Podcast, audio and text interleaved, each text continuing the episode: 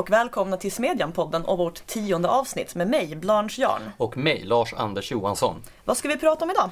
Idag ska vi prata om Nanny State Index, Sverigedemokraterna, EUs nya upphovsrättslagstiftning och mediernas metoo-hantering. Men eh, först veckans nyheter. Precis, det har varit val i Turkiet. Hur gick det med det? Ja, eh, den eh, favorittippade kandidaten eh, Erdogan tog ju hem en eh, jordskredsseger. Kanske inte så hemskt förvånande med tanke på att han i princip kontrollerar landets hela medieutbud. Och det, allt tyder väl på att detta blir eh, då, ett stort steg i den auktoritära riktning som Turkiet har tagit nu under senare år. Ja, och ingen är väl särskilt överraskad över det. Tyvärr. Men det blir ju allt mer bekymmersamt för både EU och för till exempel NATO-samarbetet att en sån här auktoritär och eh, då mer eller mindre odemokratisk stat som Turkiet är, ligger på gränsen eller rent av då är medlem i, i försvarsalliansen. Ja, precis och har ett täta band till EU också, även om det inte är med om jag förstår saken rätt. Och ja, och inte minst då i ljuset av flyktingkrisen och hur eh, Erdogan har använt den här för, som ett maktmedel gentemot EU så verkar det som att vi fortsatt har spännande tider framför oss i den delen av världen och Europa. Så där har vi ju en eh, trevlig tickande bomb och apropå tickande bomber har det ju också varit Eh, kanske någon sorts våldsrekord i Malmö med fyra mördade och fyra skottskadade under loppet av en enda vecka. Ja, och det här är ju inte heller, det känns ju som gamla nyheter även om det kommer sådana hela tiden nu. Eh, men däremot så har ju du i veckan uppmärksammat att att eh, Socialdemokraterna i Malmö har presenterat något slags åtgärdsförslag för att komma till rätta med den här mordvågen. Vad är det de har föreslagit? Ja, alltså det här är egentligen ett förslag som kom tidigare i år och som jag kom att tänka på när jag läste om det här våldsdåden. Eh, tidigare i år föreslog nämligen Malmö socialdemokrater att civila borde förbjudas att bära skyddsvästar, alltså skottsäkra västar. Och ja, tanken bakom det här är ju då att eh, om man ska tolka det välvilligt, att eh, när man bär skyddsväst så provocerar man liksom fram ännu grövre våld. För hade man inte haft skyddsväst så hade kanske inte kriminella använt grövre kalibrar. Tanken här är ju att det är eh, kriminella nästan enbart som använder skottsäkra västar för att skydda sig. Eh, och det stämmer ju förmodligen eftersom man ju har en viss hotbild om man är med i ett kriminellt gäng och det är känt att det bär skottsäkra västar ibland. Å andra sidan så behöver ju den som har en hotbild mot sig ha rätten att så här på ett så passivt sätt skydda sig själv. Ja, är inte det här typiskt politiska lösningar på verkliga samhällsproblem? Att man hela tiden riktar in sig på symptomen på problemet istället för på själva det ursprungliga problemet. Jag menar, eh, att människor skyddar sig mot skottlossning är ju faktiskt inte problemet här. Inte ens om det är kriminella som skyddar sig. Utan det är att människor skjuter på varandra som är problemet. Det är ungefär som att man skulle säga att människor ska sluta bära flytväst bara för att det gör att människor blir självsäkrare och ger sig ut i båtar även om de inte kan simma. Snart ett förslag från S i Malmö. Ja, det är sant. Det kanske var dumt av mig. Ge dem inga idéer ifall du nu skulle lyssna på vår podd. Eh, sen så har ju eh... Svenska Dagbladet har presenterat sin klimatkompass kallar de det för. Där man kan genomföra ett antal olika eh, test på hur klimatsmart man lever. Har du gjort den här kompassen Blanche? Ja, jag har ju fått reda på att jag är en gigantisk klimatskurk på den nivån att jag förmodligen är en vit man egentligen. Det har jag eh, alltid misstänkt. Vilket av det? Eh, nej men eh, den här kompassen testar bland annat ens eh, konsumtion av kött, ens konsumtion av andra saker och ens eh, transportmedel. Och eh, jag reser ju nästan bara kollektivt. Å andra sidan reser jag ju runt halva jordklotet varje morgon på grund av mina bisarra pendlingsavstånd. Eh, och Ja, fast enligt den här kompassen borde det tala till din fördel eftersom den mätte bara hur mycket man färdades kollektivt i förhållande till hur mycket man färdades med bil. Tror du bara det var i förhållande till? Ja, att döma åtminstone utifrån mitt resultat eftersom jag fyllde i hur mycket bil jag körde och sen att jag åker väldigt lite kollektivt. Men att jag åker väldigt lite kollektivt beror ju inte på att jag väljer bilen istället utan det beror ju på att jag går och cyklar till jobbet. Men det fanns inte ens med som alternativ. Så att eh, jag är tydligen inte klimatsmart enligt Svenska Dagbladet om jag cyklar och går till jobbet. Jag tror det som skruvade våra resultat lite också var att det av någon anledning inte mätte hur mycket man konsumerar av olika saker utan hur mycket pengar man lägger på det. Och det bisarra här är ju att oavsett om det gäller kött eller kosmetik eller vad det än är så är det ju ofta de billigare produkterna som är mest skadliga för miljön medan de dyrare är bättre för miljön. Men det har ju helt enkelt mätt att så här, lägger du mer än tusen spänn på kläder på en månad, även om du bara köper en jättemiljövänlig ekobomullströja eller vad man nu kan få för en tusenlapp, så är du liksom en klimatskurk. Ja, det är väldigt märkligt. Det är ju naturligtvis om man lägger en viss summa pengar på någonting närproducerat och högkvalitativt eller om man lägger samma, eh, samma summa pengar på någonting från hennes och Maurits där man, jag menar en tröja eller 40 tröjor för samma, för samma pris. Det är ju klart att det tär olika mycket både på vad gäller transporter och, och annat. Så nej, jag tror kanske att vi får avfärda den här så kallade klimatkompassen och vänta in något bättre redskap för att mäta vårt avtryck på miljön. Det låter rimligt. Och sen så har det ju då till allas vår stora glädje spelats matcher i världsmästerskapen i fotboll och Sverige har till de flesta stora förvåning fullkomligt kört över Mexiko och lämnat gruppspelet som eh, seriesegrare. Såg du den här matchen Blanche? Varför i hela världen skulle jag ha sett den här matchen? För att alla andra människor i hela världen tycks ha sett den här matchen. Desto mer anledning att låta bli. Eh, jag... Eh, Nej men okej, när nu VM redan har invaderat resten av mitt liv så kan det väl lika bra få invadera vår podd också. Alltså jag har ju väldigt svårt att liksom bry mig om det här. Eftersom fotboll är ju en kombination av de två värsta sakerna jag vet, nämligen fysisk aktivitet och lagarbete. Så jag försöker helt enkelt ta avstånd så mycket som möjligt från det här. Det är ju bara det att det inte går. När man, vart man än rör sig i den här stan stöter på så här människor med konstiga blågula peruker och jag vet inte, vad heter det här eh, avlånga trumpetaktiga sakerna? Vuvuzelor? Exakt. Jag har inte sett några sådana. Det var ju eh, i samband med VM i Sydafrika som det var en stor grej. Däremot så tycker jag att din spelade okunnighet här är lite missvisande med tanke på att du har en vuvuzela på din arbetsplats. Det stämmer och dessutom är den av någon anledning i det tyska rikets färger. Eh, men eh, den har jag fått i present av en kollega och glömde tyvärr tillfälligt bort namnet på. Kollegan? jag kommer inte att outa kollegan i podden. Ja, eh, det är ju roligt att den är just i tyska rikets Sverige med tanke på hur det gick för Tyskland igår som då till allas stora häpnad åkte ur som sist i gruppen efter att ha besegrats av Sydkorea av alla länder. Annars brukar det ju sägas att, eh, att Tyskland alltid vinner. De vann ju senaste VM till exempel. Att, eh... Men Mexiko är ju ett latinamerikanskt land. Ska inte latinamerikanska länder vara jättebra på fotboll? Jo, eh, av hävd så brukar det ju vara så. Brasilien gick ju till exempel vidare från sin grupp nu och eh, så att ja, Latinamerika är ju en kontinent med många stora fotbollsnationer.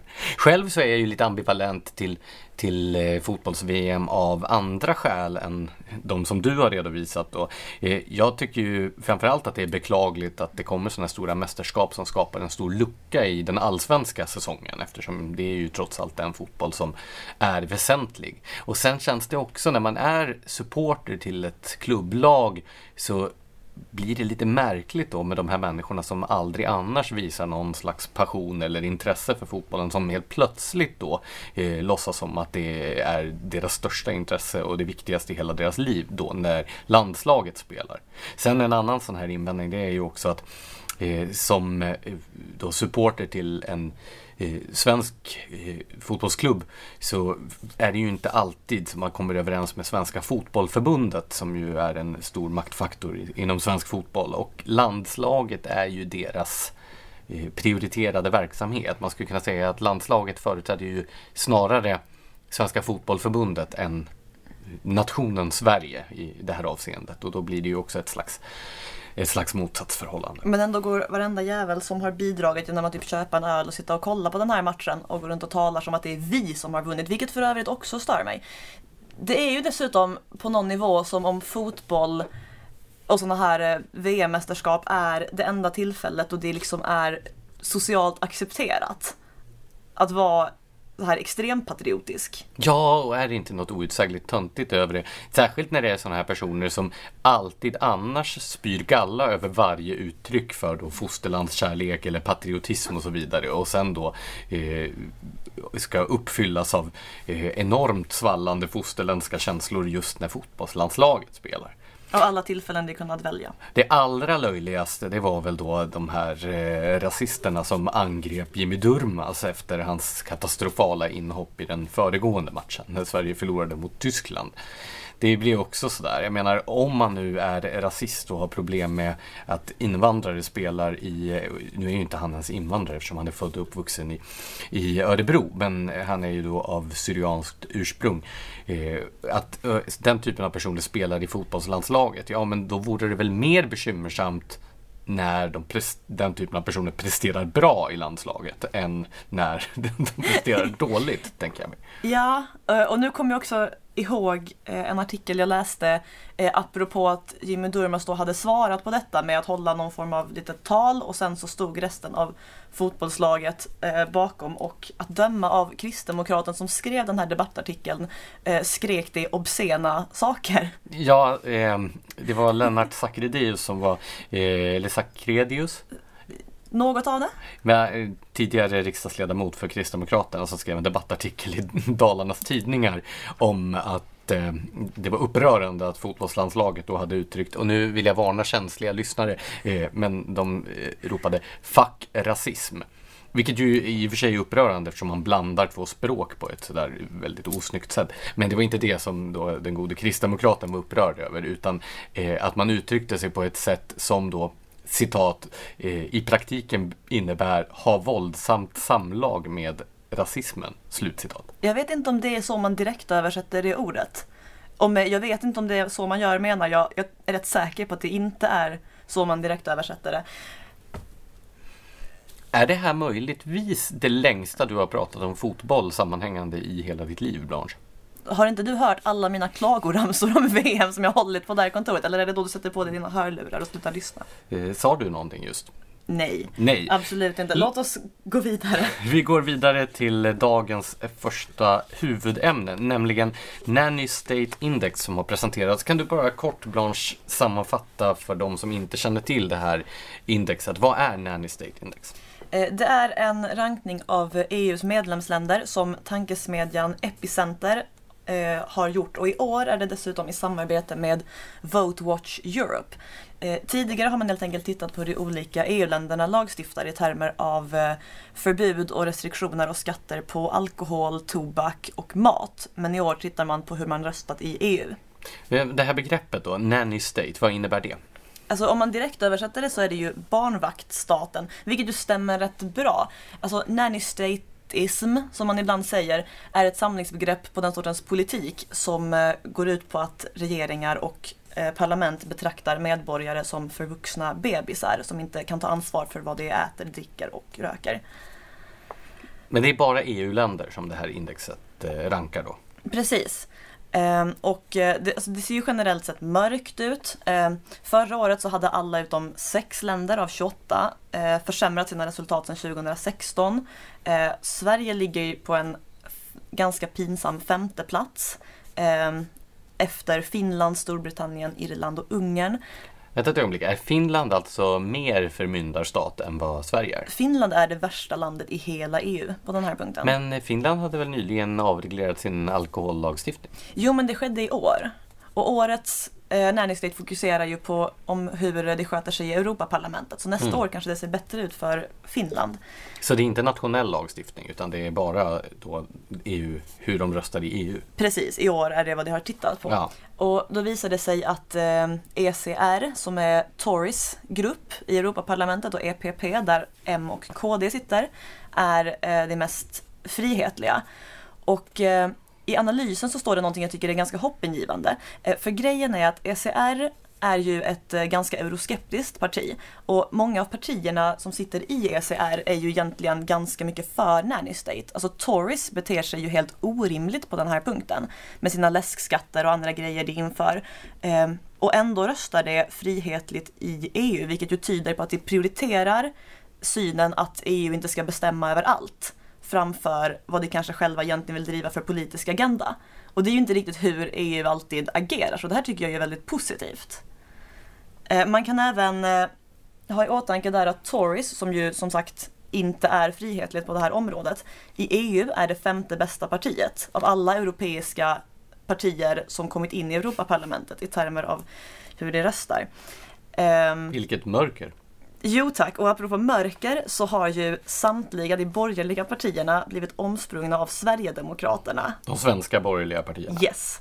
Så alla får ett sämre resultat i den här rankningen än Sverigedemokraterna, vilket ju är lite pinsamt. Dock får man också i åtanke att Sverigedemokraterna inte har deltagit i alla omröstningar. Och då har man liksom givit en poäng utifrån hur deras grupp har röstat. Alltså det är väl det mest föredömliga just hos Sverigedemokraterna, att de generellt inte närvarar vid, i de politiska församlingar som de är valda till. Det här kanske är någon sorts tips man borde ge de borgerliga partierna. Sluta rösta, gå inte till jobbet så kommer väljarna att belöna er. Eh, och sen så här föga överraskande är den gröna gruppen värst. Eh, Miljöpartiet är det sjätte värsta partiet i hela Europa. Men eh, det här är ju en intressant illustration till då den här förkättrade galtanskalan Exakt. som Göteborgs statsvetenskapliga institution försöker då introducera om och om igen i den svenska samhällsdebatten. Alltså de värsta auktoritära förslagen kommer nästan konsekvent från de partier då som räknas som gal enligt den där märkliga kategoriseringen. Precis, och de gröna partierna röstar alltså mest auktoritärt i de här frågorna, vilket nu finns svart på vitt. Så vi kanske snälla kan avskriva den här galtanskalan en gång för alla och bara som nation gå vidare härifrån den. Ja, jag tycker det är väldigt talande det vi konstaterade förut att eh, det finns inte ens en engelsk Wikipedia-sida om den här skalan. Den är visserligen konstruerad av amerikanska statsvetare men den verkar ju ha noll genomslag internationellt. Som alltid så är det ju bara i Sverige som de här vanvettigheterna får stort genomslag. Så ja, låt oss av eh, ja, låt oss sluta överhuvudtaget referera till gal och tanskalan. Ja precis, alltså det närmaste man kommer som används ofta i engelskspråkiga länder är ju den som talar om eh, ekonomisk frihetlighet och ekonomisk auktoritarism på en skala och sen auktoritära och libertarianer på den andra skalan. Mm. Och det är ju lite rimligare för att man kan ju placera alla på en skala mellan auktoritär och libertarian.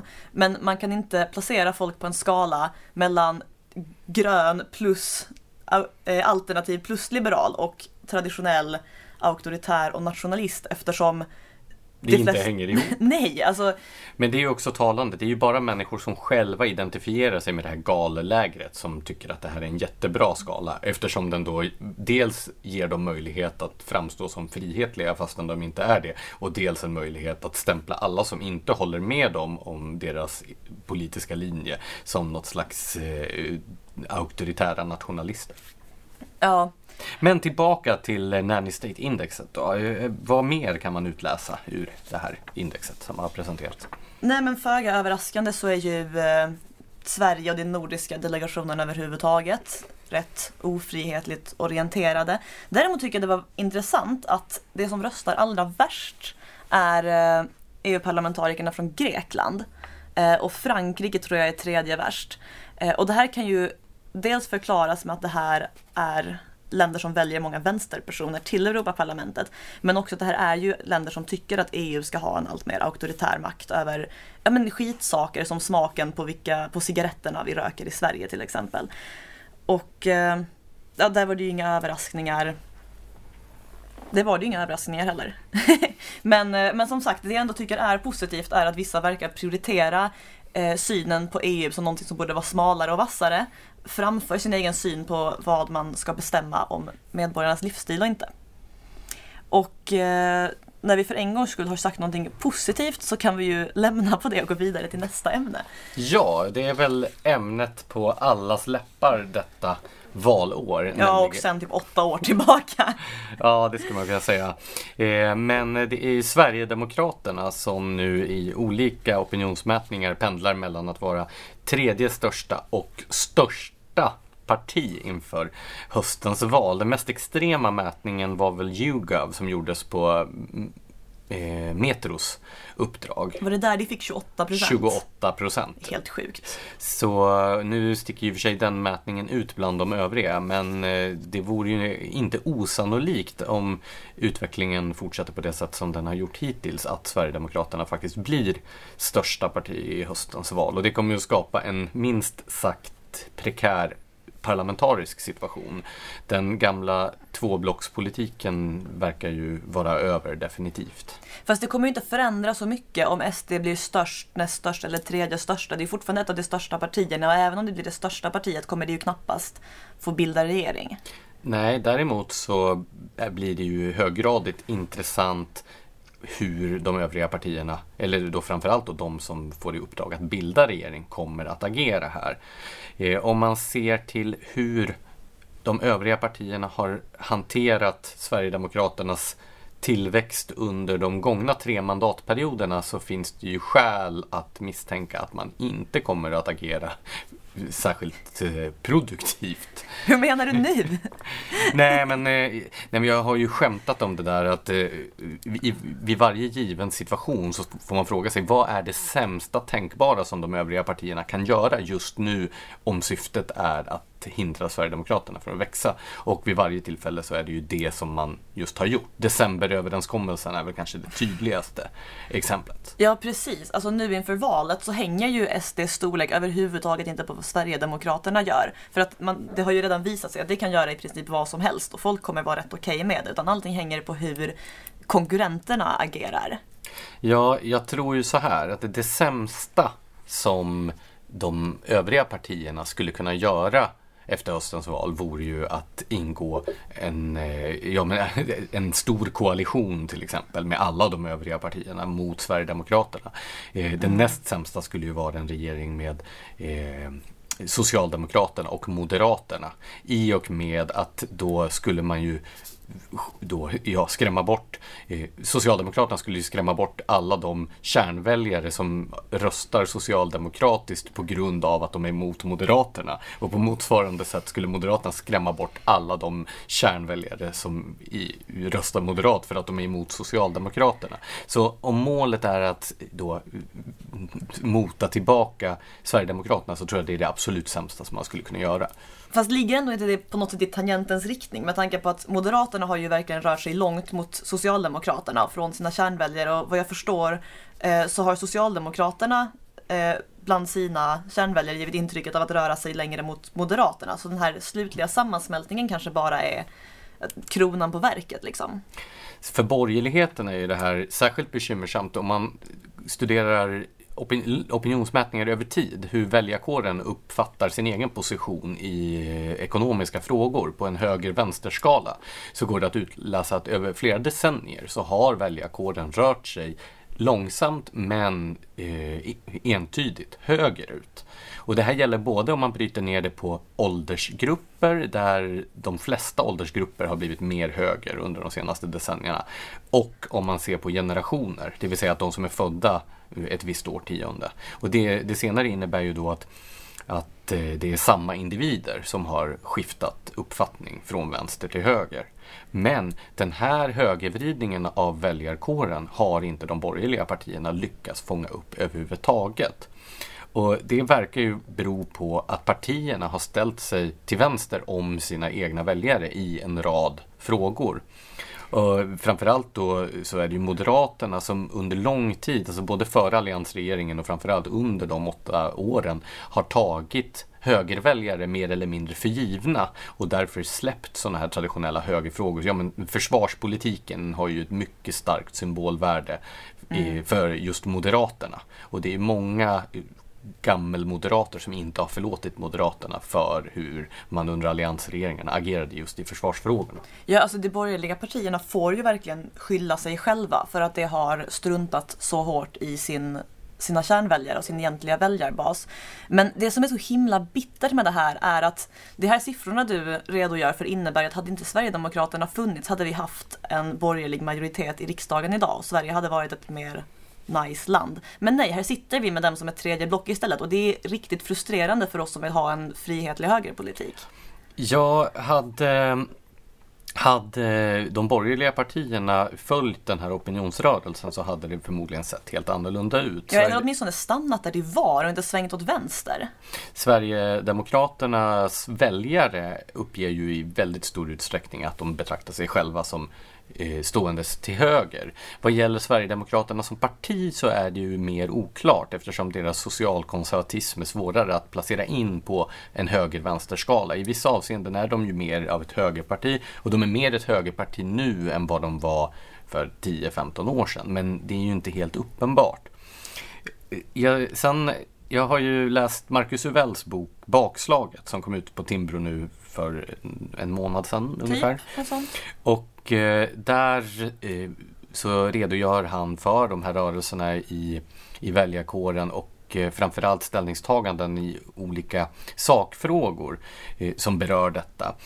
Uvell menar ju då att Sverigedemokraternas tillväxt i opinionen inte framförallt är ett kvitto på att Sverige genomsyras av auktoritär populism på samma sätt som i till exempel Ungern. Utan snarare att Sverigedemokraterna profiterar på ett utbrett missnöje som finns med att de politiska partierna, alltså både Socialdemokraterna och de borgerliga eh, och medierna har anslutit sig till en radikal agenda som inte alls eh, då eh, har någon motsvarighet i bredare väljargrupper. Och han exemplifierar det här med frågekomplexen normer och normkritik, identitetspolitik och separatism och då det som han kallar för klimatalarmism och medelklassångest. Ja, alltså jag tror ju verkligen att den huvudsakliga drivkraften bakom Sverigedemokraternas tillväxt är det här etablissemangsfientliga. Inför förra valrörelsen, eller under förra valrörelsen, då var ju termen som användes väldigt ofta bland den som tänkte rösta SD att man behövde röra om i grytan. Eh, och underförstått menade man ju då att partierna som redan satt där, alla hade blivit en del av en sorts kotteri som i större och större del liksom isolerade sig från sina egna väljare och att man helt enkelt var arg på det. Och alltså, det går ju att sympatisera med frustration för hur övriga partier har agerat. Men jag vet inte om det riktigt är ett legitimt skäl att rösta på SD som ju knappast alltså har särskilt bra politik. Så det som var problemet eller den situation som uppstod när Moderaterna ingick migrationsöverenskommelsen med Miljöpartiet var ju att de ställde väljare inför endast två alternativ i just migrationsfrågan. Eh, och det var ju då Miljöpartiets migrationspolitik eller Sverigedemokraternas migrationspolitik istället för då att de olika partierna hade en rad egna linjer i den här brännande frågan. Och det tror jag gjorde att det blev en polarisering som helt och hållet gynnade Sverigedemokraterna. Men var missnöjet med den här migrationsöverenskommelsen verkligen så starkt inledningsvis? För jag kommer inte ihåg att jag hörde särskilt många alltså opponera sig mot den, då menar jag inte bara opinionsbildare som är en del av etablissemanget och så vidare, utan jag hörde rätt få personer överhuvudtaget prata om det här som någonting negativt förrän typ 2014-15. Fast här ska man ju komma ihåg då att de borgerliga partierna framförallt Moderaterna är ju väldigt toppstyrda de styrs ju nästan som aktiebolag och så länge som partiledningen levererar goda opinionssiffror så sitter alla glatt och still i båten. Det blev ju en väldigt tydlig omsvängning efter att man då förlorade valet, eller åtminstone förlorade regeringsmakten 2014. Så började ju missnöjet att bubbla inom Moderaterna. Så det är svårt att avgöra tycker jag hur, hur åsikterna egentligen såg ut. Jag tror man var glada att eh, man fick goda opinionssiffror. Ja, det förstås. Men eh, migrationspolitiken är ju då som Uvell pekar på bara en del i allt detta. Att mycket av missnöjet handlar ju om andra typer av saker. Det vill säga att man upplever att det finns ett slags radikal agenda eh, hos ett etablissemang som utgörs av de traditionella partierna och de stora medieaktörerna. Och att det här mindre har med sakpolitik att göra kanske och mer av det, ja, med det vi har sett inom kulturpolitiken med aktivistiska kulturinstitutioner som driver på identitetspolitik inom mediesektorn och så, som inte alls har något stöd bland den breda allmänheten. Ja, och alltså det som också oroar mig med det här, det är ju att vad borgerligheten måste göra för att ta tillbaka sina kärnväljare, det är ju att bygga upp sitt förtroendekapital igen. Det är bara det att partierna agerar, känns det som, mer och mer utifrån kortsiktiga opinionssiffror. Man testar en grej och så väntar man på nästa opinionsmätning, har man sjunkit i den så byter man liksom linje eller riktning eller i alla fall sätt att tala om det igen. Men att återbygga sitt eget förtroendekapital kommer ju ta flera år, alltså kanske en mandatperiod till. Och det måste ha tålamodet att göra det.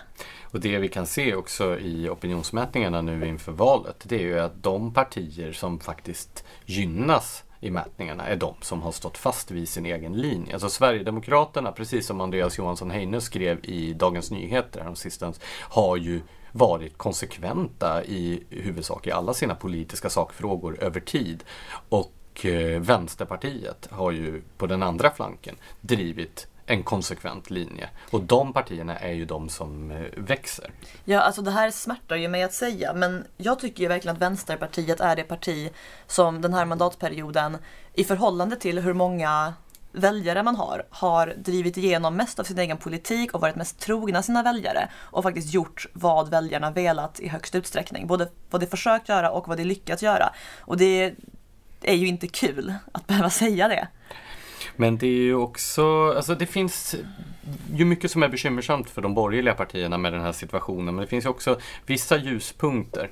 Det, det mest bekymmersamma är ju eh, den splittring som borgerligheten nu upplever av att inte längre utkämpa, vad ska man säga, ett enfrontskrig som det har sett ut under större delen av 1900-talet. Då har ju borgerligheten egentligen definierat sig negativt gentemot det, eh, vänsterblocket. Mm. Men, när jag skrev den här boken eh, Hatets och illviljans kolportörer om näringslivets medie eh, om mediebilden av näringslivets opinionsbildning så kunde jag konstatera att man kallade ju sig inte borgerliga egentligen på 70-talet utan man kallade sig icke-socialistiska. Att det var den gemensamma nämnaren. De här partierna var inte socialistiska. Och så har ju självbilden sett ut länge. Eh, medan då med Sverigedemokraternas intåg i riksdagen så har det blivit ett slags identitetskris. Vilket också för övrigt var namnet på min essä i eh, antologin Varken bildning eller piano från 2015. Borgerlig identitetskris. Att när man då måste avgränsa sig åt två olika håll. Dels då mot eh, Socialdemokraterna, Vänsterpartiet, Miljöpartiet och dels mot Eh, konservativa nationalister i Sverigedemokraterna så blev det inte lika glasklart. Vad är det som är borgerligt och vad är inte? Var går gränserna? Ja, alltså förenklat kan man ju säga att Moderaterna och Kristdemokraterna har legat kvar i de gamla skyttegravarna så att säga och tagit kampen mot de socialistiska partierna, vänsterpartierna. Medan Folkpartiet och Centerpartiet i högre grad har riktat in sig på att ta kampen mot Sverigedemokraterna. Och det där har ju skapat en klyfta inom alliansen som jag tror kan komma att bli ett problem. Ja, och alltså den här borgfreden mellan socialliberalism och liberalkonservatism eller då, vad ska man kalla något slags eh, radikal socialliberalism och Eh, mer klassisk liberalism. Den klyftan har ju eh, blivit mycket påtagligare nu när det har varit en annan typ av frågor än de ekonomiska höger-vänster-frågorna som har varit uppe på dagordningen. Och den här splittringen inom borgerligheten har gjort att det har blivit svårare också att formera svar på, ja men både på regeringens politik och på Sverigedemokraternas framflyttande av positionerna på, ett, på en rad olika områden. Jag tror också att det har varit väldigt problematiskt att man har förhållit sig till Sverigedemokraternas positionering på ett sådant sätt att så fort Sverigedemokraterna har intagit en ståndpunkt så har man blivit livrädd från att ha, inta den ståndpunkten själv oavsett om det var ens egen ståndpunkt tidigare. Och det har ju gjort att man har skapat stort handlingsutrymme just för Sverigedemokraterna att ta fråga efter fråga. Jag har ju sett det här i kulturpolitiken när det har blivit väldigt känsligt att prata om kulturarv till exempel bara för att Sverigedemokraterna intresserar sig för den typen av frågor. Ja, det där lämnar ju bara fältet fritt för dem att plocka väljare där det ställer sig. Men eh, har du något mer du vill säga om det här eller kan vi lämna partipolitiken bakom oss och prata om något roligare? Ja, jag tror att det är eh, viktigt att komma ihåg den här grundläggande skillnaden som finns mellan då eh, borgerligheten så som vi brukar förstå den traditionellt. Det är det här jag skriver också i Borgerlig identitetskris.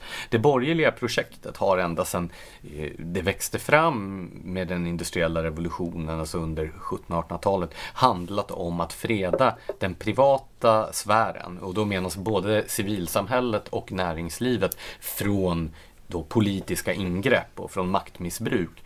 Eh, och den här socialkonservatismen, nationalismen som Sverigedemokraterna företräder gör inte den tydliga distinktionen mellan då att använda eh, institutionerna som ett värderingsburet projekt för att påverka den privata sfären och då neutrala institutioner på det sätt som borgerligheten, oavsett om den har kallat sig liberal eller liberalkonservativ eller konservativ, har förespråkat. Och det här är en viktig principiell skillnad som, eh, ja det är ju sorgligt att så många av de här personerna som har gått från vänster till höger nu fångas upp i ett sådant alternativ istället för då i ett i ett alternativ som gör en distinktion mellan den privata sfären och den politiska.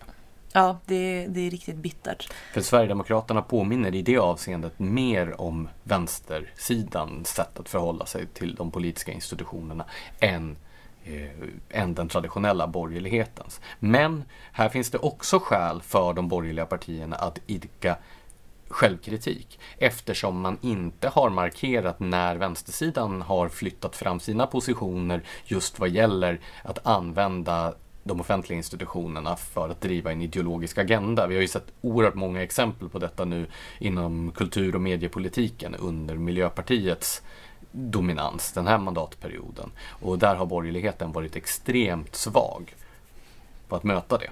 Ja, alltså överhuvudtaget behöver ju borgerligheten bygga upp någon form av förtroende hos stora väljargrupper igen och Sverigedemokraternas väljare bör överväga om det verkligen är värt att röra om i grytan. Ska vi gå vidare till nästa ämne? Den eh, nya upphovsrättslagstiftningen som eventuellt kommer att röstas igenom i Europaparlamentet. Kan du berätta om den Blanche? Ja precis. Alltså, som alltid när det handlar om EU-lagstiftning så är ju allting väldigt oklart. Jag har läst flera olika tolkningar av vad som egentligen har hänt och flera olika beskrivningar av var den här lagen befinner sig. Men så här ligger det till. Jag ska bara säga att som eh, fotbollssupporter så känner jag igen en del av de här eh, formuleringarna hos de som är kritiska till detta. Nu dör internet till exempel, känns som att det snarare är relaterat till. Vad då brukar ni tala om fotbollens död? Eh, Eller? Ja, det är inte helt ovanligt att när någon tänder en bengalisk eld på en fotbollsläktare så skriver upprörda journalister med vibrato på stämbanden Nu dödas fotbollen. Och det är lite det tonläget som jag tyckte mig se i rapporteringen kring detta. Så du får gärna upplysa mig och våra lyssnare om hur allvarlig är, hur allvarligt är det här hotet mot internet? Ja, alltså meme-döden har jag också läst om. Nej men så här, vad det går ut på är att Vissa har ju porträtterat det här som ett förbud mot att länka till saker överhuvudtaget på nätet. Och riktigt så illa är det ju inte, utan vad det handlar om är att eh, du vet när man länkar någonting i sociala medier, så på Twitter eller på Facebook, då kommer det ju med en liten ruta med rubrik och en bild och ett litet utdrag ur texten. Och det här är alltså tänkt att copyright skyddas så att man inte ska få eh, dela sånt. Eller rättare sagt, Facebook, Twitter och andra sociala medier måste ta ansvar för att inget sånt delas på deras sida. När jag hör någon säga att man måste ta ansvar känner jag mig instinktivt misstänksam. Ja, jag vet, jag också. Men eh, konkret då, vad skulle det innebära för eh, vår verksamhet på Smedjan om den här lagstiftningen blev verklighet? Skulle folk få länka våra artiklar i sociala medier? Alltså den som har ett socialt medium ska kunna sluta ett avtal med enskilda webbsidor, exempelvis nyhetssajter då, att eh, eh, personer får ladda upp länkar till nyhetssajten på exempelvis Facebook och sen betalar Facebook eh, vad man då har kallat en länkskatt till tidningen. Eh, så Facebook kanske kommer tycka det är värt att sluta en sånt här avtal med de stora sidorna. Men för oss på Smedjan kanske det inte riktigt ser lika ljust ut med tanke på att vi nog knappast är så topp 10 av Och vad skulle det innebära då? Att man inte kunde länka till vår sajt på Facebook? Ja, alltså jag tror till och med det står som ett förslag i texten från EU-kommissionen som alltså föreslog där från början att eh, eh, sociala medier kan ha ett eh, filter som känner av när något upphovsrättsskyddat ska delas och helt enkelt vägrar låta en ladda upp det. Men om vi då som upphovsrättsinnehavare tycker att det vore trevligt om folk kunde länka våra saker på internet, kommer vi ändå inte att kunna bli länkade? Nej, för då blir ju vi utnyttjade av Facebook som, som gör vinst, eller på något vis vinner på att använda våra artiklar där. I själva verket är det ju såklart vi som vinner på att det delas, men det här är inte så EU resonerar. Om man vore konspirationsteoretiskt lagd skulle man ju nästan kunna tro att det här var ett sätt för då de stora medieaktörerna att slippa konkurrens från små nya uppstickare. Ja, det skulle man ju kunna tro och många har ju också eh, lyft det här att det har varit lite underrapporterat om detta. Tills... Från just de stora medieaktörerna som skulle gynnas av att slippa konkurrensen. Ja, lite så. Eh, men viktigt att påpeka här också är att EU-parlamentet har inte röstat om detta utan det går ju alltid till så att det först är utskottet i EU-parlamentet som eh, är aktuellt för den enskilda lagstiftningen som röstar om det och sen går det vidare till hela parlamentet. Så förra veckan röstade eh, utskottet, det rättsliga utskottet i EU-parlamentet och nästa vecka den 5 juli kommer eh, parlamentet som helhet att rösta om det. Och eh, det är också intressant att det krockar ju med Almedalen och eh, frågan har lyfts en del eh, de senaste dagarna kring hur eh, de olika parlamentarikerna kommer att Prioritera. Lite så ja. Eh, grejen är ju att både EPP och ALDE, som alltså är de grupper där eh, de borgerliga partierna sitter. Och Liberalerna eh, Moderaterna och Kristdemokraterna i EPP och eh, Liberalerna och Centern i ALDE, eller hur? Precis. Eh, de grupperna har båda uttalat sig positivt om det här förslaget, men jag har inte sett någon svensk parlamentariker överhuvudtaget uttala sig positivt. Eh, Fredrik Federley från Centerpartiet och Moderaternas Kristoffer Fjellner har ju båda varit väldigt skarpa i sin kritik mot det här. Men och... kommer de att vara lika skarpa som de borgerliga har varit i riksdagen under den här mandatperioden? Och det är helt enkelt inte göra någonting åt politiken. Ja, det återstår ju att se. Eh, även alla Eh, ledamöter för Vänsterpartiet och Miljöpartiet eh, verkar tänka sig att de ska rösta emot det här förslaget, vilket ju är trevligt. Ehm, och det verkar också som att många har sagt att de tänker prioritera bort eh, Almedalen till förmån för Strasbourg där då omröstningen kommer att ske. Vissa har uttryckt det väldigt luddigt och en har sagt att han kommer att prioritera Almedalen, nämligen Lars Adaktusson. Så eh, det kan ju vara värt att hålla koll på den 5 juli vad som egentligen sker och vem som egentligen befinner sig var och röstar på vad. Ja, och som tur är kommer ju vi att befinna oss i Almedalen så vi kan ju faktiskt ha, hålla utkik efter vilka av dessa Europaparlamentariker som väljer bort att rösta emot det här förslaget. Vi kommer att punktmarkera dem alla, vilket blir ett problem eftersom vi bara är två. Men vi kommer att göra vårt allra bästa försök. Låt oss gå vidare till eh, metoo och mediernas hantering av den som ju har varit på agendan efter att Pressens opinionsnämnd har fällt tio publiceringar. Ja, det här kanske inte är så förvånande med tanke på hur de stora medieaktörerna hanterade metoo-kampanjen. Men eh, det är ändå intressant att det nu har blivit svart på vitt. Eh, Expressen är den, det medium som kommer sämst ut, som står för hela fyra av tio fällningar i Pressens opinionsnämnd. Eh, framförallt så handlar det om att det har varit bristande faktaunderlag i de publiceringar som gjordes under hösten kring då ett antal enskilda personer som hade blivit uthängda i den här metoo-kampanjen. Ungefär men, som när man baserar sig på ett inlägg på Instagram. Men ja, precis. Eh, det var ju ofta, de här publiceringarna i tidningarna grundade sig på anklagelser från enskilda gentemot enskilda personer. Eh, det var ju ingen av de individer som hängdes ut med namn och bild som vid tillfället för publiceringarna hade dömts för det som de anklagades för eller ens åtalats eller anmälts utan det här var bara baserat på eh, på anklagelser. Och flera har ju senare även frikänts. Ja, precis. Det är ju fortfarande ingen som har dömts i det här, av de här personerna. Eh, det handlade om bristande faktaunderlag hos tidningarna, men frångick också de pressetiska spelreglerna när det handlar om att nyhetsvärdet inte överhuvudtaget stod i proportion till den skada som publiceringarna medförde för de enskilda personer som hängdes ut. Det här var ju personer då som förlorade sina arbeten och blev i princip helt och hållet svartlistade i sina branscher efter de här anklagelserna och uthängningarna. Och det är ju väldigt stor skada för privatpersoner, helt och hållet baserat då på anklagelser. Ja, visst hände det ofta att tidningar hade olika linjer samtidigt i de här frågorna och resonerade olika kring olika namnpubliceringar? Ja, jag skrev ju om detta Eh, om hur kvällspressen agerade. Det var ju då en, en kolumnist på Aftonbladet som är en av de mest uppmärksammade som hängdes ut i den här kampanjen.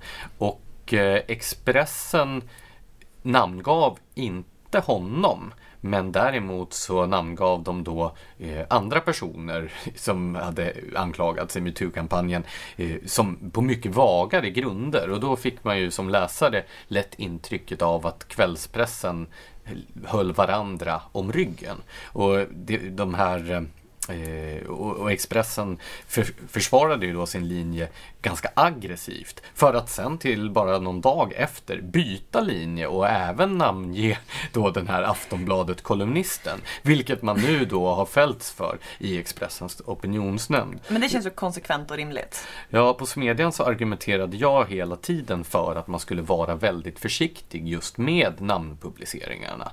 Visserligen så var det ju så att nu i den här sociala medieverkligheten så gick det ju för den som verkligen var nyfiken och intresserad att ta reda på vilka individer som det här handlade om. Men det är ändå en skillnad när de största medierna publicerar någonting. Mediehusen måste ha en, eh, en högre standard och följa de pressetiska spelreglerna om de ska kunna kunna tas på allvar och betraktas som auktoriteter. Och härifrån gick man ju det i ett antal fall. Ja, så mitt intryck är ju att många av de här tidningarna följde den här eh, publish and be damned-regeln som alltså ungefär kan översättas till typ det är bättre att be om ursäkt än att fråga om lov. Metoo var ju jättehett när det här pågick. Det var ju den största nyheten. Den var ju överallt. Och då jo, fast jag... publish and be damned handlar ju inte om att man ska frångå grundläggande journalistiska principer som till exempel att Eh, kontrollera sina källor, att ha två av varandra oberoende källor som bekräftar det här och att man inte ska namnge personer i andra fall än när det verkligen, verkligen är motiverat och där skadan för personen som namnges eh, då står i proportion till nyhetsvärdet. Så eh, jag tycker inte riktigt man kan mm, tillämpa publish and be damned här. Om man verkligen hårdrar det riktigt mycket så, men jag förstår vad du menar. Ja, för det är ju branschen själva som har satt upp de här pressetiska reglerna och åtagit sig att följa dem just för att säkerställa trovärdigheten. Och jag tror att hur de stora mediehusen hanterade metoo-kampanjen eh, skadade trovärdigheten för ja, dels de aktuella medierna men för traditionella medier överhuvudtaget.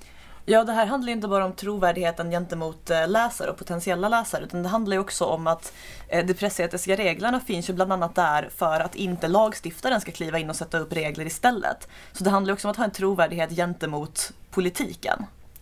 Jag tror att om man ska försöka förstå varför det blev så olyckligt som det blev så eh, tror jag att man ska gå till det här begreppet agendasättande journalistik som har varit så populärt på senare år. Där flera stora medier anser att det inte bara är deras uppdrag att på nyhetsplats rapportera om vad som händer i verkligheten utan också att påverka den. Att nyhetsjournalistiken ska fungera som ett slags opinionsbildning. Och eftersom då metoo-kampanjen uppfattas uppfattades av många i mediebranschen som att den tjänade ett gott syfte så eh, hade man, då frångick man helt enkelt sina vanliga principer eftersom man tyckte att det här var en bra och lovvärd grej som man ville stödja.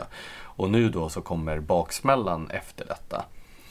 Eh, hanteringen efter metoo-kampanjen har ju också varit eh, ganska illa från kvällspressens sida. Tänker på till exempel Aftonbladets kulturchef Åsa Lindeborg då som kallade drevet mot den här Aftonbladet-kolumnisten för citat det största övergreppet i svensk presshistoria. Och det här säger då hon som var en av de pådrivande i drevet mot eh, Kulturhusets tidigare chef som då begick självmord tidigare i år.